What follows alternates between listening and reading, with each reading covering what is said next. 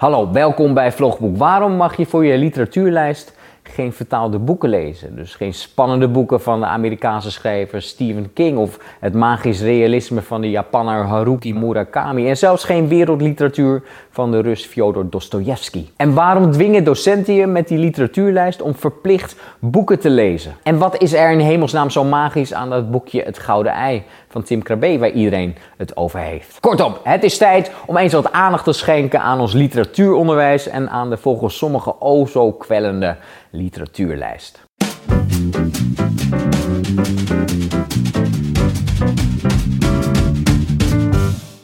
Om iets zinnigs te kunnen zeggen over de noodzaak van ons literatuuronderwijs moeten we het verleden induiken.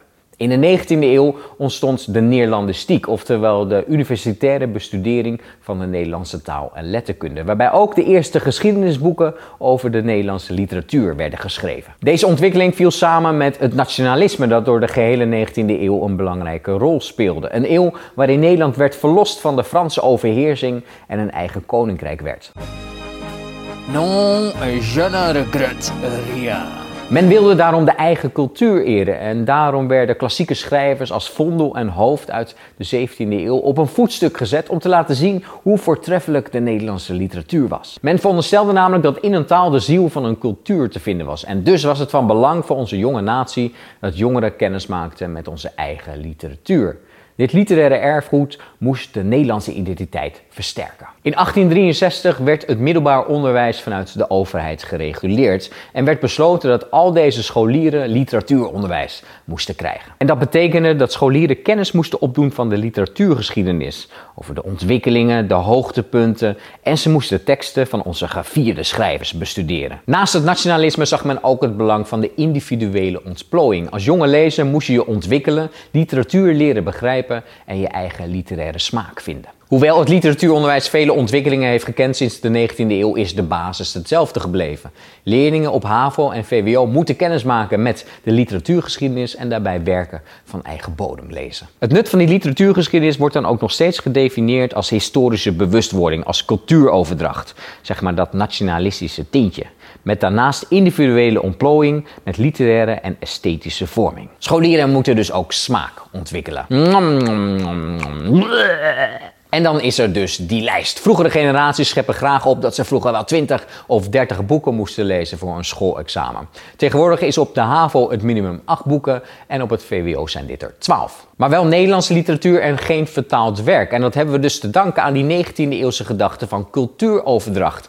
Want als het alleen maar om smaakontwikkeling zou gaan, dan zou het toch niet hoeven uitmaken welke nationaliteit een schrijver heeft. Sterker nog, de kans dat tussen al die buitenlandse auteurs een betere schrijver zit dan tussen het handjevol Nederlandse auteurs is natuurlijk veel groter. De teneur lijkt steeds meer te zijn dat die lijst echt om literaire ontwikkeling moet gaan. En volgens sommigen is zelfs leesplezier een vereiste. En dus werd afgelopen jaar wederom een balletje opgeworpen om ook vertaald werk toe te laten. En of dat werkelijk gaat gebeuren, moeten we nog even afwachten. Welkom bij weer een nieuwe aflevering van de Literatuurlijst. De vorige keer bij de Literatuurlijst kozen de leerlingen een boek. Het gouden ei. Het gouden ei. Het gouden ei. Gouden ei. Gouden ei. Gouden ei, ja. Binnen de huidige opzet van de literatuurlijst is het Gouden Ei van Tim Krabbe een van de grootste fenomenen op de Nederlandse middelbare school. Al sinds zijn verschijning in 1984 is dit boek het ultieme boek als het gaat om de leeslijst. Het staat al jaren nummer 1 in de ranglijst op scholieren.com en ook in het in 2019 gepubliceerde onderzoek van Jeroen Dera naar de praktijk van de literatuurlijst bleek weer eens dat dit boek het meeste werd gelezen. Maar wat is er dan zo bijzonder aan dat boek? Weet je wat? We halen Jeroen Dera er even bij. Hallo, ik ben Jeroen. Ha, Jeroen, eh, zeg, kun jij uitleggen waarom het Gouden Ei zo enorm populair is? Nou, ik heb niet onderzocht waarom het Gouden Ei zo populair is. Maar het ligt erg voor de hand dat het boek populair blijft. Omdat het zo hoog in al die lijstjes staat. En dat leerlingen daarom dus ook weten uh, dit is een boek dat veel gelezen en makkelijk te lezen is. En dus kies ik dat. En wat mee zal tellen is dat het spannend en dun is. Maar als waardering geven scholieren het boek slechts een 6,8. Wat van het Gouden Ei dan een gemiddeld boekje maakt. Want scholieren geven in hetzelfde onderzoek alle gelezen werken uit de Nederlandse literatuur gemiddeld een 6,7. En Jeroen, welke boeken krijgen nu de hoogste cijfers? Nou, het, eh, in, de, in de top 3 van meest gewaardeerde boeken staan op de derde plaats Lieveling van Kim van Koten. Op de tweede plaats Het Smelt van Lise Spit. En op de eerste plaats staat De Engelenmaker van Stefan Brijs. En wat opvallend is, is dat dat uh, allemaal boeken zijn die relatief recent zijn. En uit het onderzoek blijkt ook dat hoe recenter een boek is, hoe groter de kans dat leerlingen dat een heel leuk boek vinden. Nou, daar kunnen we wel iets mee. Maar het feit blijft dat die hele literatuurlijst wel één groot paradoxaal onderwijsgedrocht is. De overheid laat jonge lezers die al zo van moeten op school verplicht boeken lezen. Terwijl het genot van lezen toch vaak grotendeels ligt in die vrije keuze van boeken gelezen op het moment dat het te lezen uitkomt. En hoe kun je nu ergens plezier aan beleven als het verplicht is? Voor al die leerlingen die nu denken van ja, zie je wel, het slaat nergens op moet ik deze kritiek nu wel wat gaan nuanceren. Want waarom kiezen zoveel leerlingen dan hetzelfde boek waarvan ze zelf heel goed aanvoelen dat er betere boeken te vinden zijn? Waarom voelen leerlingen niet de noodzaak om te zoeken naar een 8 of een 9? Kijk, als je niet goed zoekt, dan mag je natuurlijk ook niet klagen. Of is het onwetendheid? Hebben leerlingen gewoonweg geen idee wat ze moeten kiezen? Wat ik me goed kan voorstellen, want er is ook zoveel keuze. En toen ik scholier was, deed ik ook maar wat. Ja, en ik ook. Het eerste boek wat ik las in uh, 4 VWO, daar snapte ik helemaal niets van. En het was eigenlijk pas toen ik het nog een keer ging proberen op het eind van de vijfde, dat ik dacht, oh ja, hier zit wel wat in.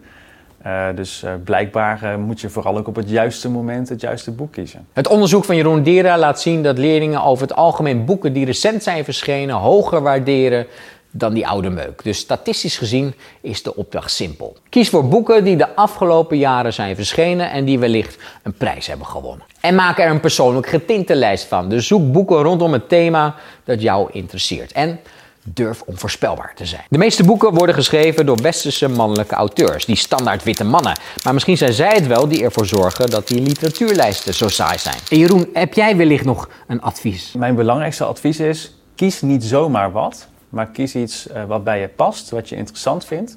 En laat je daarbij ook adviseren door je leraar, door een educatiemedewerker van de bibliotheek. Er zijn zoveel boeken en er zit zeker een boek voor jou bij. Ik wil het tot slot nog even hebben over die verplichting. Want om in de toekomst plezier te kunnen hebben van lezen, moet je natuurlijk wel ooit in aanraking zijn gekomen met een diversiteit aan boeken. Tegelijkertijd laten onderzoeken zien dat er steeds minder gelezen wordt. En als lezen niet meer verplicht wordt in het onderwijs, dan vrees ik dat dat lezen nog minder gaat worden.